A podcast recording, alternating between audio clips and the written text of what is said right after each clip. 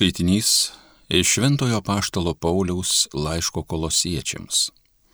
Paulius, Dievo valia Kristaus Jėzaus apaštalas ir brolis Timotiejus, šventiesiems ir ištikimiesiems broliams Kristuje, gyvenantiems kolosuose. Malonė ir ramybė jums nuo mūsų Dievo, mūsų tėvo. Nuolat melzdamiesi už jūs, mes dėkojame Dievui, mūsų viešpatys Jėzaus Kristaus tėvui, nes girdime, kad jūs tikite Kristų Jėzų ir mylite visus šventuosius dėl vilties, kuri jums skirta danguje.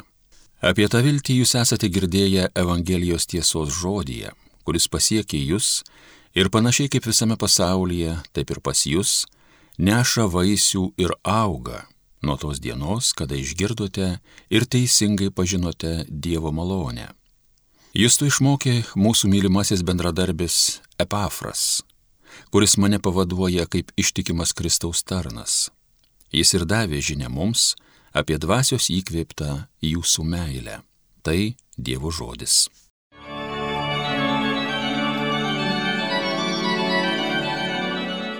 Viešpatie, tavo gailestingumu vilsiuos per amžius. Aš kaip alyvos žaliuojantis medis Dievo buveiniai, gailestingųjų Dievo nuolat vilsiuos per amžius viešpatie, tavo gailestingumu vilsiuos per amžius. Tave šlovinsiu amžiais, kad tavo taip sutvarkyta, aukštinsiu tavo į vardą, tavo gerumą, tavo šventiesiems. Viešpatie, tavo gailestingumu vilsiuos per amžius. Alleluja.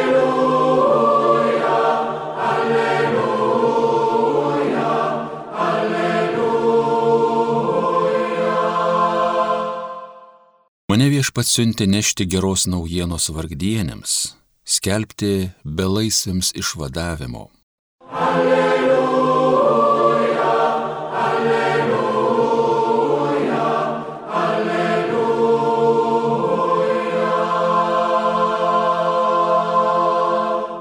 Iš Evangelijos pagal Luką.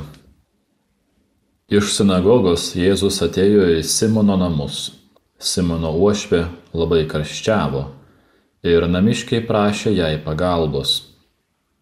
Atsistojęs prie jos galvūgalio, jis sudraudė karštinę ir toji pasiliovė. To jau atsikėlusi, ji galėjo jiems patarnauti.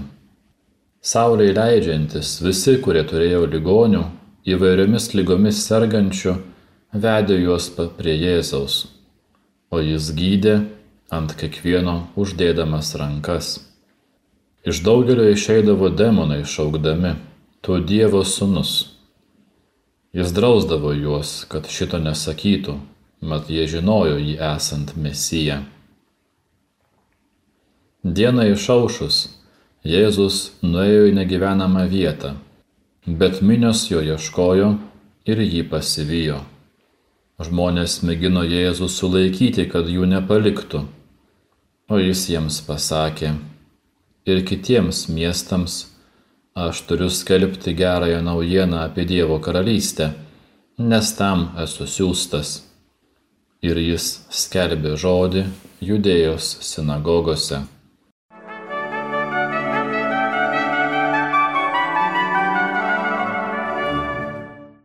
Vakar dienos Evangelijos ištrauka apreiškia mums Jėzų savo žodžio gale nugalinti blogį.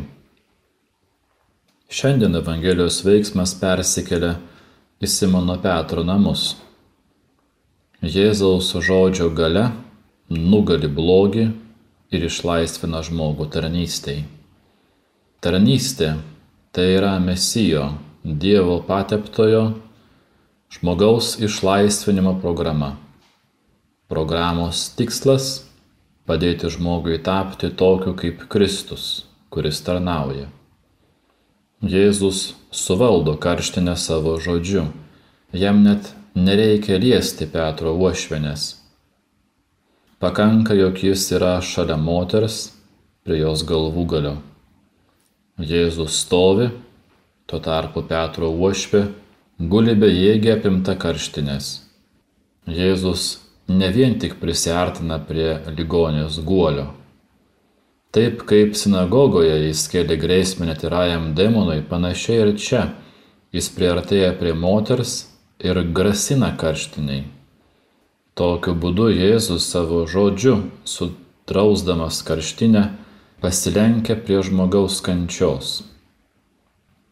Jėzaus mesijo autoritetas pasireiškia jo tarnystėje vargšui ir stokojančiam. Būti mokytoju ir viešpačiu Jėzui reiškia tarnauti, o ne valdyti. Kiekvienas Jėzaus stebuklas išplaukia iš Jėzaus tarnystės žmogui. Panašiai kaip ir vakar girdėtoje Evangelijoje, Jėzaus žodį betarpiškai seka žmogaus išlaisvinimas.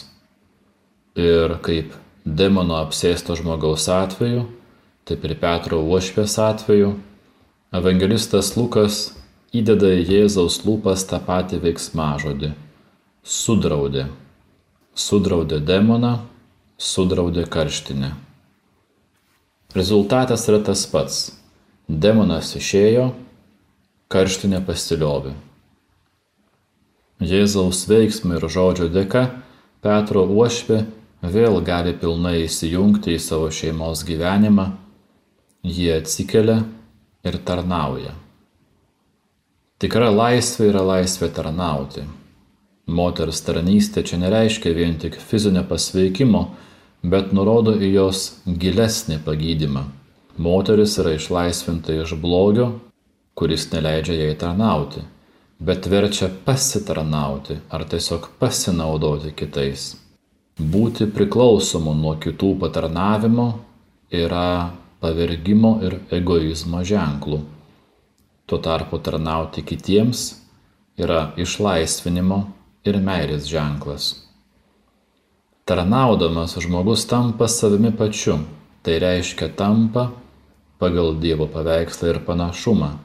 Jame apsireiškia Dievo sūnus. Simono Petro namai tampa žmogaus su savo lyga kovos lauku. Atrodo, jog lyga yra nepalyginamai stipresnė už žmogų. Tačiau tik tol, kol ateina Jėzus. Karštinė tarsi paralyžiuoja žmogų, neleidžia jam tarnauti, panašiai kaip lyga ir mirtis neleidžia žmogui atsistoti ant kojų. Tik Jėzus gali gražinti sveikatą ir jėgas atsistoti arba tiesiog prisikelti tikram naujam gyvenimui. Taip kaip vakar dienos Evangelijos scenoje, taip ir šiandien Jėzus Jėzaus pagydymas siekia parodyti jo absoliučią galę prieš bet kokį blogį. Jėzaus rūpesti žmogaus asmens integralumu ir Jėzaus atnešto išganimo universalumą.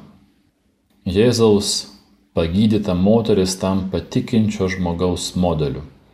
Kristaus atneštas išlaisvinimas dar nepasiekė savo tikslo vien tikėjimo išpažinime, taip kaip tai daro demonai, kurie išpažįsta Jėzaus dieviškumą.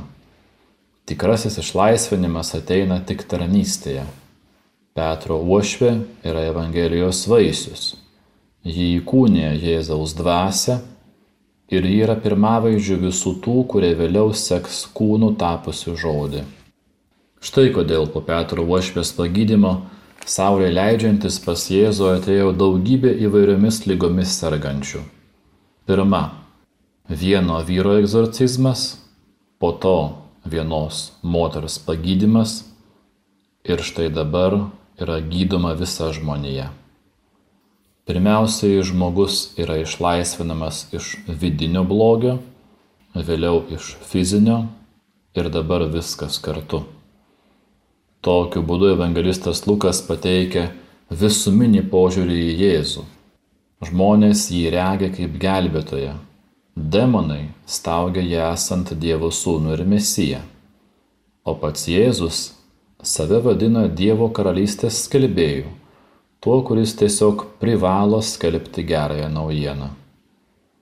Jėzaus pirmieji stebuklai aprašyti Švento Luko Evangelijoje parodo viso Jėzaus gyvenimo programą nukreiptą į žmogų, atskleidžia, jog Dievo karalystės skelbimas yra neatskiriamas nuo Jėzaus asmens.